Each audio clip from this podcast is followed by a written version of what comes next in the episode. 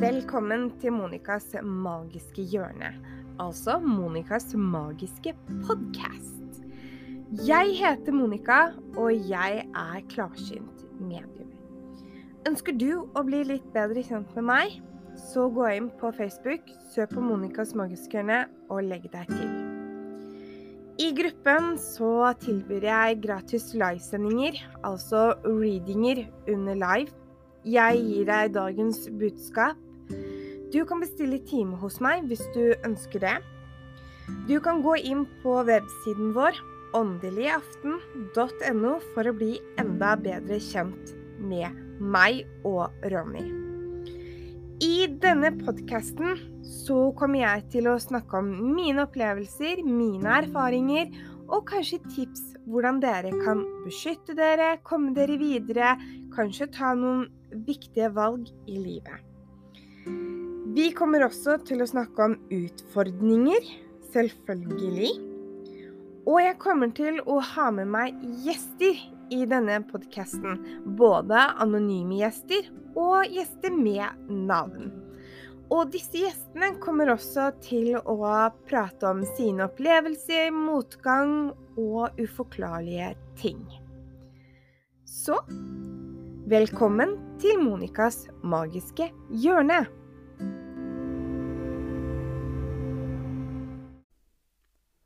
Jeg ønsker i denne episoden å dele min reise i forhold til det jeg har opplevd.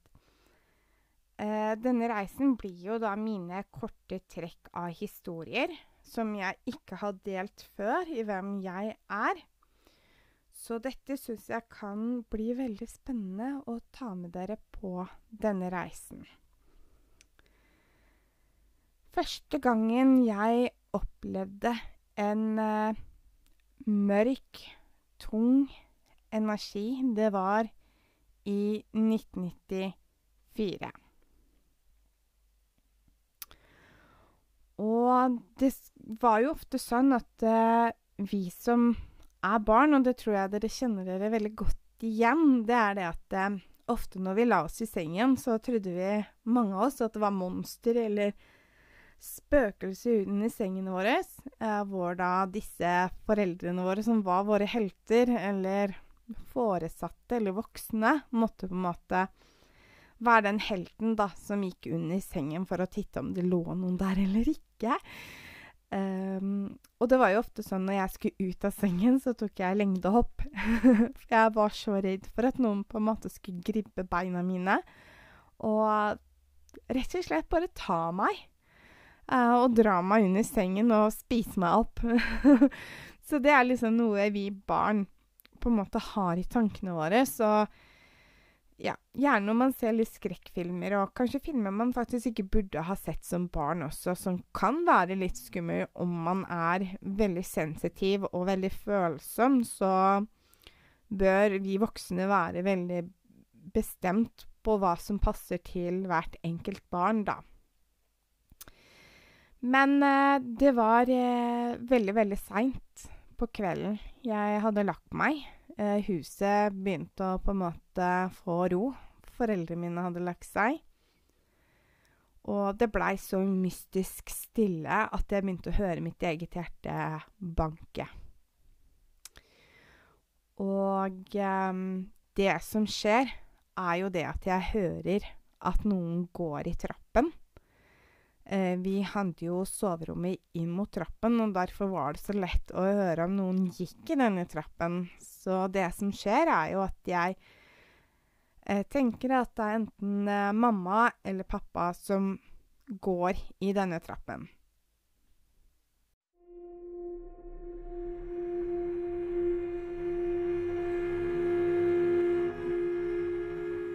Jeg åpner døren. Jeg titter forsiktig frem. Drar ansiktet mitt helt inntil veggen. Jeg hører at noen går. Så begynner jeg å se trappen så vidt det er. Jeg ser mer og mer og mer av trappen. Plutselig så velger jeg å kaste meg ut i sannheten.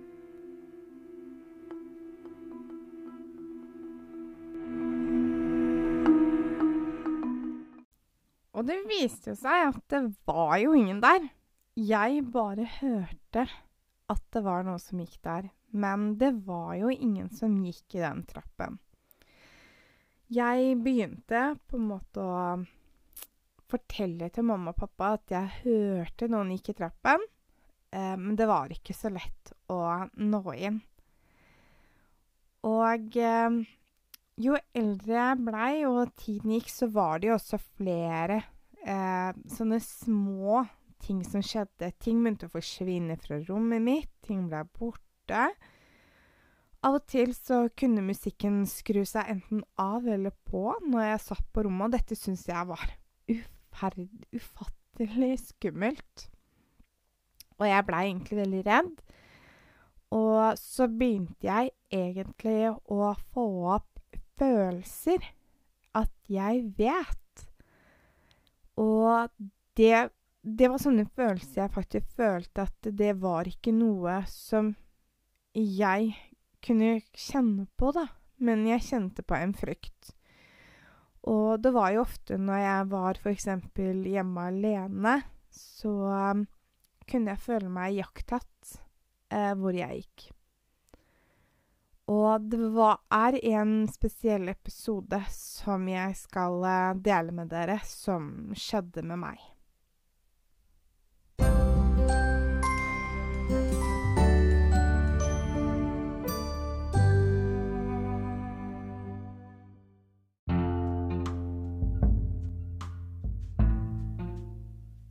Klokken var ca. syv på kvelden.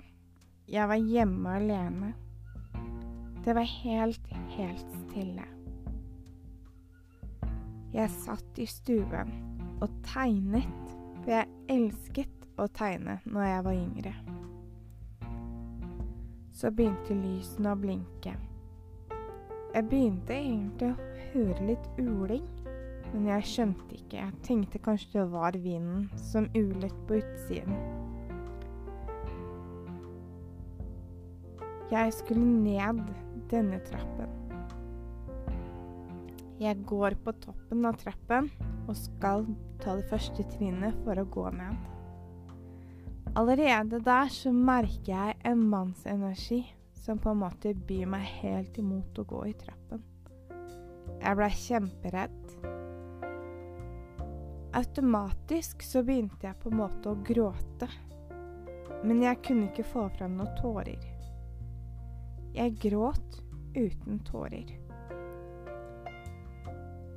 Jeg tvang meg ned gjennom den tunge energien. Jeg følte rett og slett at denne energien plukket ut én og én del ut av min egen kropp. Jeg følte at personen var sint. Voldsomt sint på meg fordi jeg gikk ned trappen. Når jeg kom på en platå og skulle videre ned, for helt ned i kjelleren Plutselig så føler jeg at det står en dame nederst i trappen, og hun skal ta meg. Jeg beveger meg nedover. Jeg kjenner det begynner å stråle i begge føttene mine. Jeg hadde ca. fire trappetrinn igjen før jeg kom helt ned i gangen. Når det siste trappetrinnet er tatt, så skjønner jeg at jeg blir fysisk dyttet. Det som er, når jeg ramler og jeg detter, så blir jeg liggende der. Jeg begynner å miste følelsen i beina mine. Jeg var redd. Jeg var alene. Etter hvert som tiden gikk, så forsvant både følelsene Helt Føles som jeg var helt lammet. Etter hvert så kjente jeg at energien til disse menneskene forsvant. Så var det som at følelsene i beinene kom tilbake. det var bare som at beina mine hadde sovnet. Det begynte å prikke. Det begynte å gjøre vondt. Jeg klarte å krabbe meg inn på rommet og lukke døren. Jeg krøp opp i sengen, og der lå jeg til mamma og pappa kom hjem. Dette her syns jeg var faktisk veldig, veldig ubehagelig, å på en måte få den touchen inn. Og det at man også på en måte følte at man fikk da nåler eller noe som stakk, sånn elektriske sjokk på en måte, som begynte ytterst i stortåa, som gikk oppover leggen, og opp bak korsryggen. Og når jeg kommer ned, så bare merker jeg at jeg blir skumpa, så jeg detter. Og eh, det har jo vært mange opplevelser hvor jeg har hørt mamma ha snakket, men mamma har jo ikke vært hjemme. Det har vært sånn Hvordan kan jeg høre henne prate?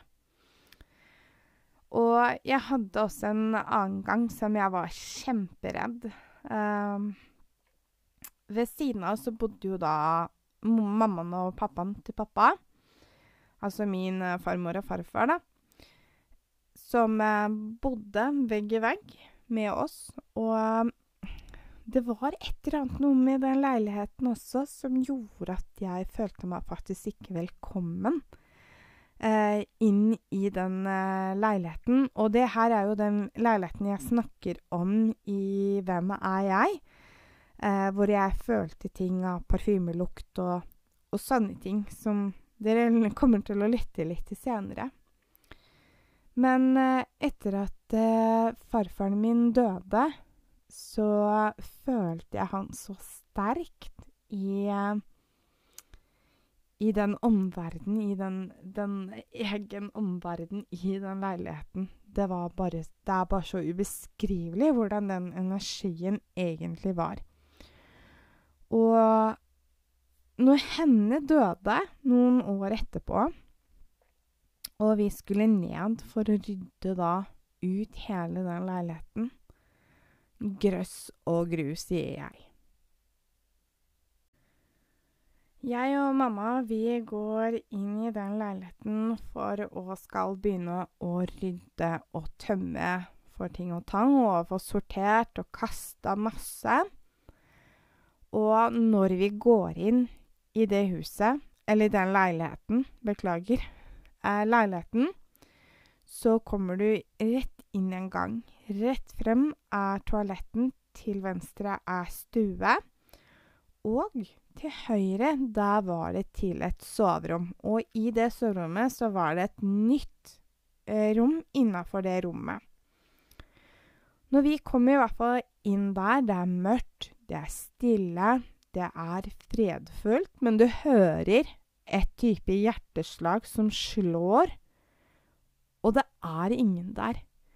Jeg hørte det veldig, veldig tydelig, og um, jeg sa til mamma at uh, fy søren, dette er skummelt. Jeg er dritredd. Og i den perioden der så begynte jeg å utvikle meg enda mer også, og det gikk jo mer på følelser. Uh, at jeg visste om ting jeg følte. Og det utga jo at jeg fikk jo magesmerter, det kunne oppstå diaré, det kunne oppstå kvalme. Men det var min måte å kjenne på at uh, her er det noe fysisk, at det her, det treffer meg. Og um, jeg fikk jo skikkelig vondt i magen, og så sier jeg til mamma at jeg må Jeg går hjem, jeg må på do. Nei, det gjør du ikke, sier hun. Og jeg måtte gå på do der. Uh, og når jeg sitter på toaletten, så føler jeg at noen står inne på det badet og ser på meg, så jeg klarer jo ikke å gjøre noen ting på den toaletten. Så jeg eh, gjør som meg, tørker meg, vasker hendene mine og kommer meg ut til mamma. Og sier ingenting. Og så, vet du Da begynner mamma å fortelle hva hun føler. Og jeg bare Wow, shit. Det her er veldig, veldig skummelt. Og eh, Mamma sto jo og kjente på en eh, veldig tung, ekkel energi, og og det var den samme energien som var hjemme hos oss, som det var i den leiligheten. Så i bunn og grunn så er det en energi fra stedet, og det har ingenting med de som har bodd der før, eller noen ting, fordi det her var helt nytt. De var de første som bodde der, og det var også i det huset som jeg bodde i. Og eh, mamma prøver liksom å berolige meg på alle mulige måter. Og nå Det her har jo egentlig ingenting med det åndelige, men den Det som skjedde Begynner jeg å le før jeg forteller det. Var det at evnene mine, de åpnet seg enda mer av frykt. Jeg og mamma står på dette soverommet, som er så ubehagelig, rundt et eh, brunt spisebord som var plassert inne på dette rommet som lagring, fordi de ikke hadde plass til å ha det ute. Mamma tar fram en hel haug med vesker og nett og poser og sånne ting, og ber oss begynne å tømme dette. Mamma tar, eh, tar ting, og jeg tar en sort veske som jeg velger å tømme. Det går faktisk veldig fint i begynnelsen. Og eh, så Bunnen av denne vesken så kjenner jeg noe som er helt jævlig ubehagelig. Og jeg løfter, tar tak i det, og jeg kjenner en åndelig kraft uten like og jeg tar dette ut av Sorry. Ut av vesken. Og det som skjer, er jo det at det er gebisser. Og jeg kaster den av gårde. Og jeg hyler, og jeg løper ut av den døren, så mamma blir stående igjen alene. Så det tar jo ikke så lang tid før eh, mamma kommer løpende etter og sier at nei, det her er her, det tar vi i morgen.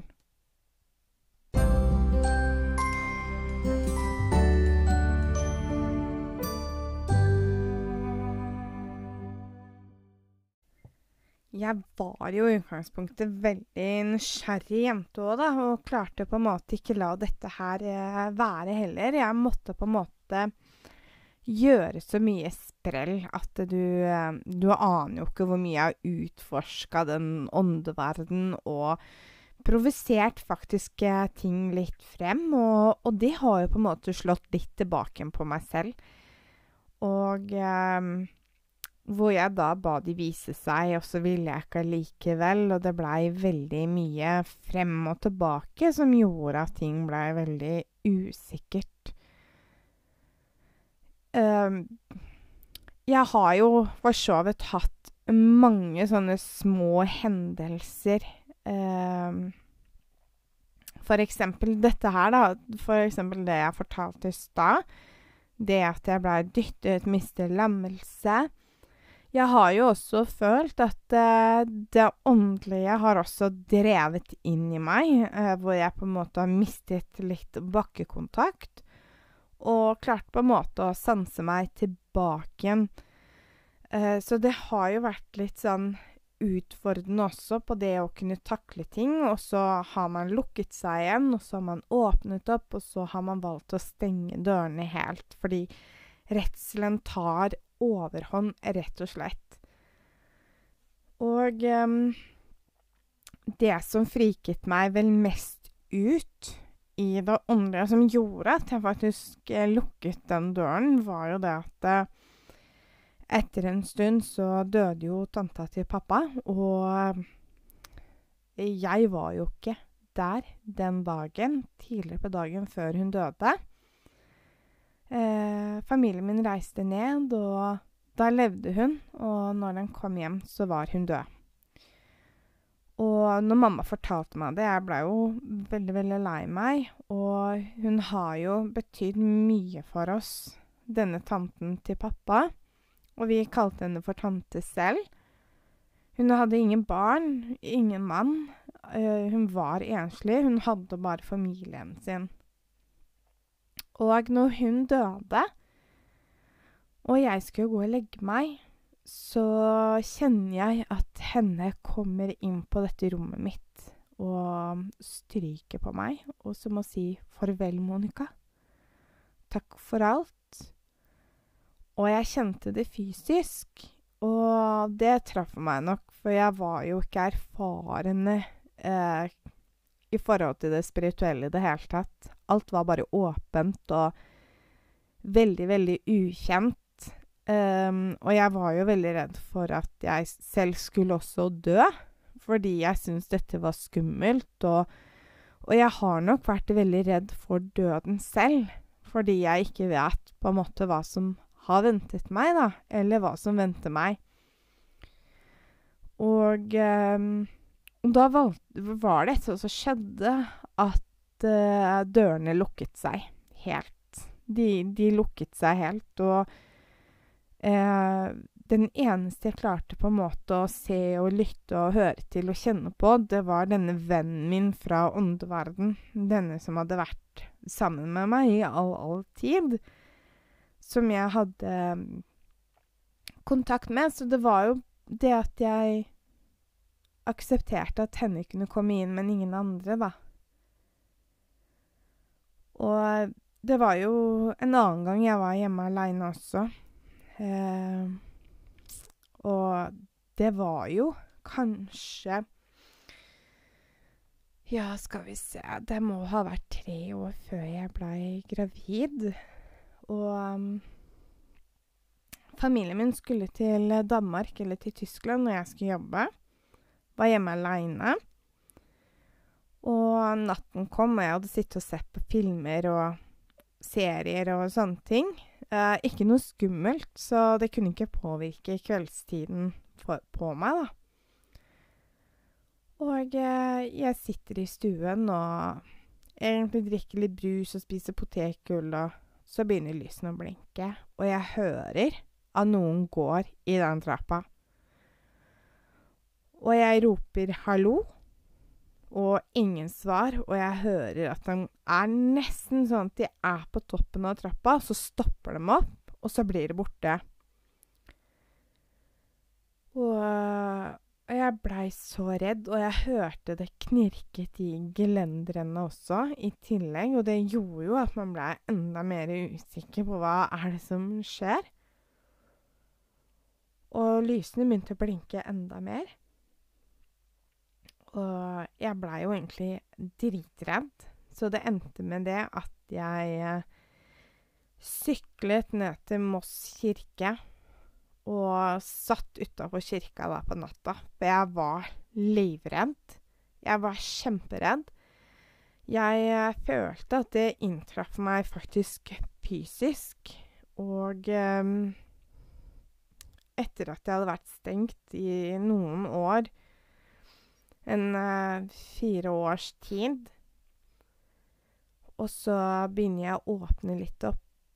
Uh, bitte lite grann. Men det som skjer, er at når jeg åpner litt opp, så åpner det seg så veldig mye, ikke sant? Det var jo ikke lite grann som åpnet seg, det var ganske mye. Og da føler man på en måte at man ikke rett og slett har kontroll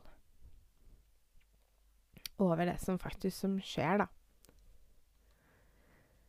Men dagen etterpå så sykler jeg jo hjem tidlig på morgenen. Det var vel i sekstiden. Da var det som ingenting hadde skjedd. Da var hjemmet varmt igjen, det var ikke kaldt eller noen ting. Så jeg hadde jo ganske mye utfordringer når jeg var alene hjemme. Jeg føler jo egentlig at jeg har fått gjort ganske mye fra disse årene til jeg blei på en måte mamma. Jeg eh, har jo også jobbet på sykehuset eh, og sykehjem. Eh, den ene sykehuset som jeg jobbet på, var da i sam... Den var sammenslått med sykehjem og sykehus, eh, hvor vi mm, triller pasientene til eh, avdelinger. Hentet dem, trillet de ned i frys fryseskapet Altså, jeg har fått med meg ganske mye på varm, hvis jeg kan si det sånn. Men jeg husker eh, første dagen min som eh, elev på sykehjem. Eh, og da hadde jeg jo på en måte begynt å oppleve alt det der åndelige, en ny tappe i livet, som gjorde at det kunne bli veldig utfordrende for meg å takle det. Og første dagen så møter jeg på jobb, og jeg får beskjed om at jeg skal være med henne ned med denne sengen. Ja, og jeg går inn i heisen sammen med henne, og hun står da i fotenden, jeg står da i hodeenden og aner egentlig ingenting. Så sier hun til meg. Å, denne kvinnen var så god, hun var så omsorgsfull. Og så sier jeg til henne at uh, Unnskyld meg, men hva er det som skjer? Ja, vi må kjøre ned Morsen. Vet du hva? Jeg har aldri følt at livet mitt har stoppet så voldsomt opp. Jeg hørte ikke hjerteslag, jeg hørte ingenting. Jeg kjente ikke at jeg levde engang. Seriøst. Og det er vel den mest skumleste delen jeg noen gang har hatt i mitt liv. Og det å trille dem inn på kjøleren og skal flytte de fra sengen og over på en båre Å gubbe, det det der, det har vært så skummelt for meg, må jeg si.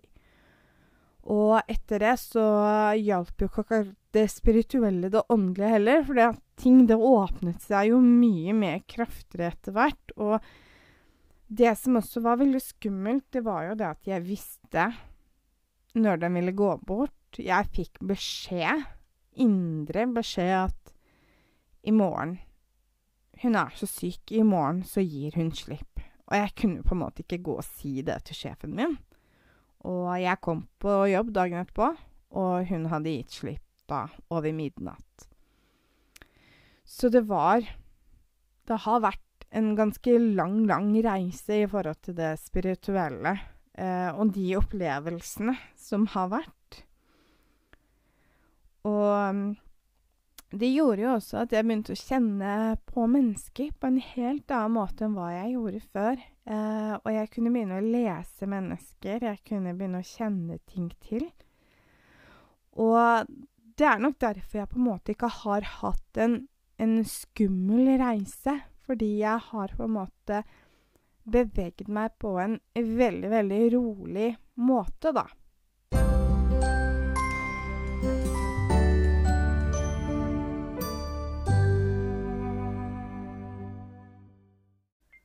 Hvor da jeg på en måte har hatt en reise som har på en måte utvikla seg i en sannhet, da. At det har på en måte ikke vært noe jeg må på en måte ha forestilt meg. Jeg har på en måte sanset veldig inn og latt meg selv åpne opp igjen. Og um, når jeg var gravid, så begynte hormoner og alt åpne enda mer. Men man hørte jo at det gikk folk i trappen. Man kunne høre bestefaren min rope på meg. Jeg kunne kjenne bållukt. Jeg kunne begynne å se skygger. Um, men jeg syns ikke det var sånn skummelt, skummelt, egentlig. Det blei heller mer sånn 'Så du den skyggen, eller?' 'Du, kjenner du den lukta nå, eller?' Men jeg følte at jeg egentlig hadde veldig, veldig kontroll på det. Så uh, den eneste gangen jeg kan egentlig huske at jeg blei veldig, veldig redd, var en åndelig aften jeg hadde eh, hos en klient. Eh, de var mange venner, og det var gjerne to som skilte seg veldig ut der, som var veldig skeptisk på om jeg kunne den jobben jeg faktisk kunne. Og de skulle teste meg, og det, det, det syns jeg er helt greit. Folk må bare få lov til å teste meg. Det, det setter jeg egentlig pris på. Gi meg litt utfordringer. Ikke gjør det så veldig lett for meg. Og eh, eh hun ene som kom til meg eh, var veldig sånn hard og brutal. Og før hun på en måte kom inn i rommet, så fikk jeg på en måte litt sånn advarsel, sånn blinking i lyset. Og jeg tenkte OK, takk. Uh, det her er et tegn på at denne personen kan uh, være veldig hard og vanskelig å komme inn på. Og jeg spådde henne og sånne ting, og hun blei egentlig veldig redd. På det jeg så, så hun valgte å reise.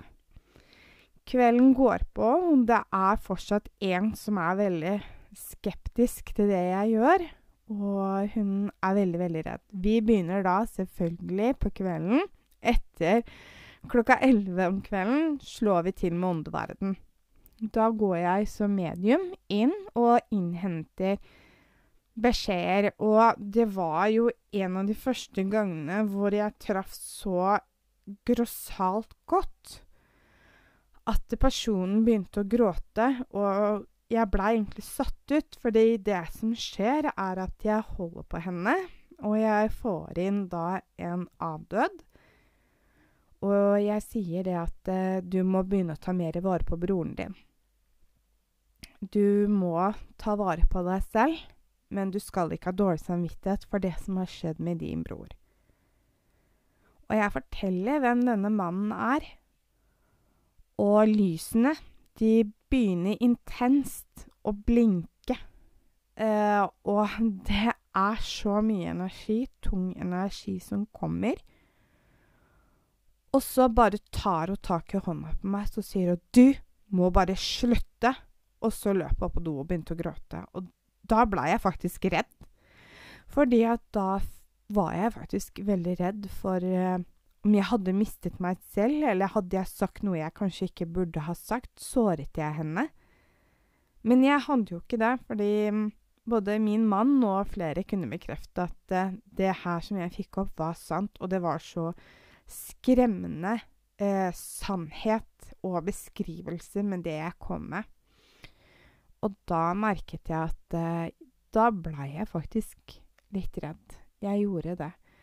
Og det er en, på noe som, som jeg har plassert i hjertet mitt.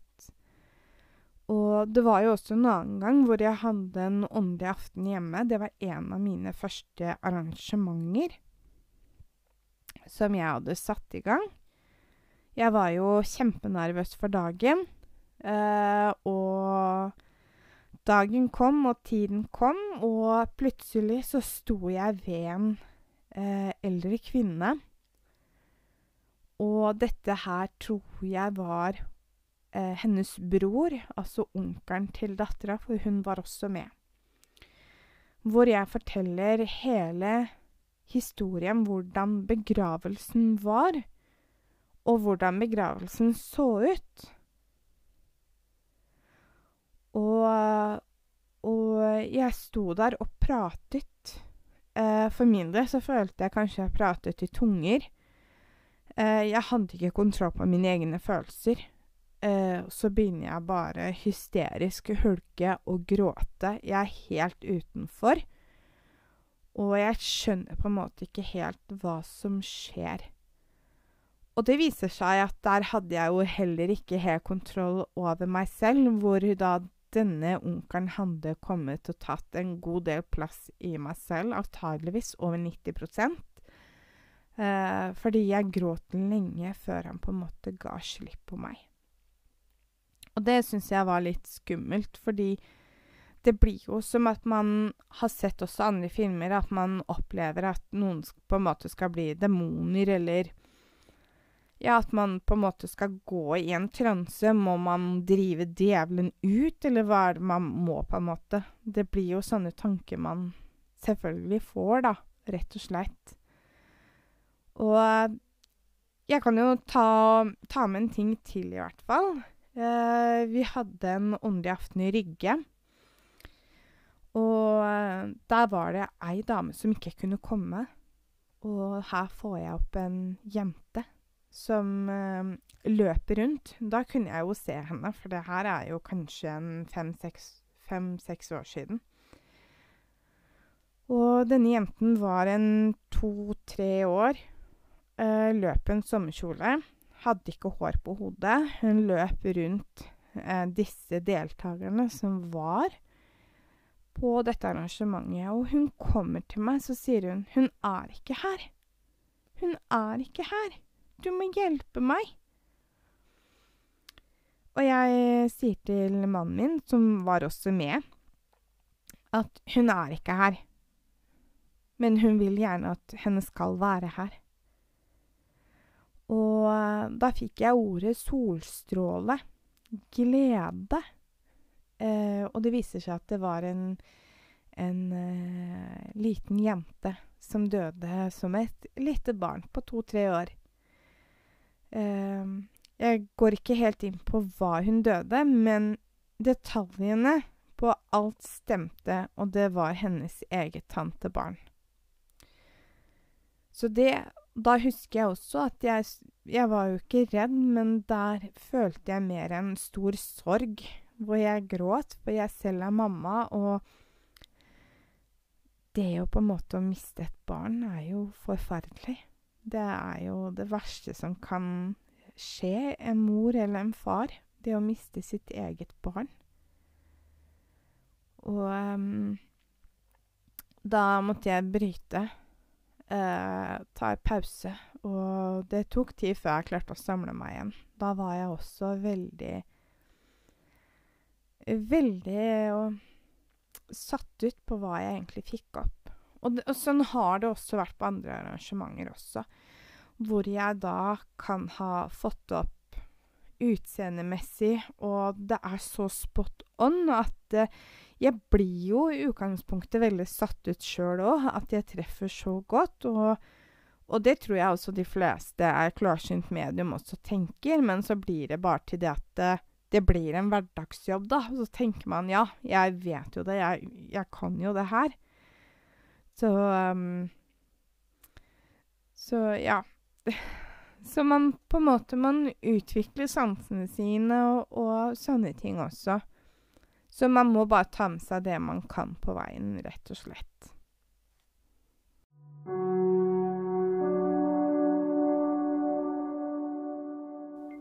I neste episode så skal jeg dele deres egne reiser jeg har fått inn.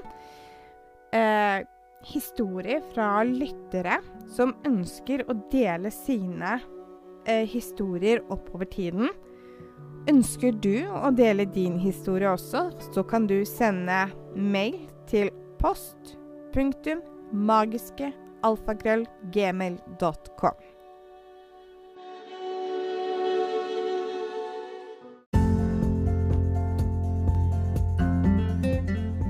Og i forbindelse med min podkast så vil jeg også takke dere alle lyttere som er med meg på min reise. Så tusen takk for at du lytter til min podkast.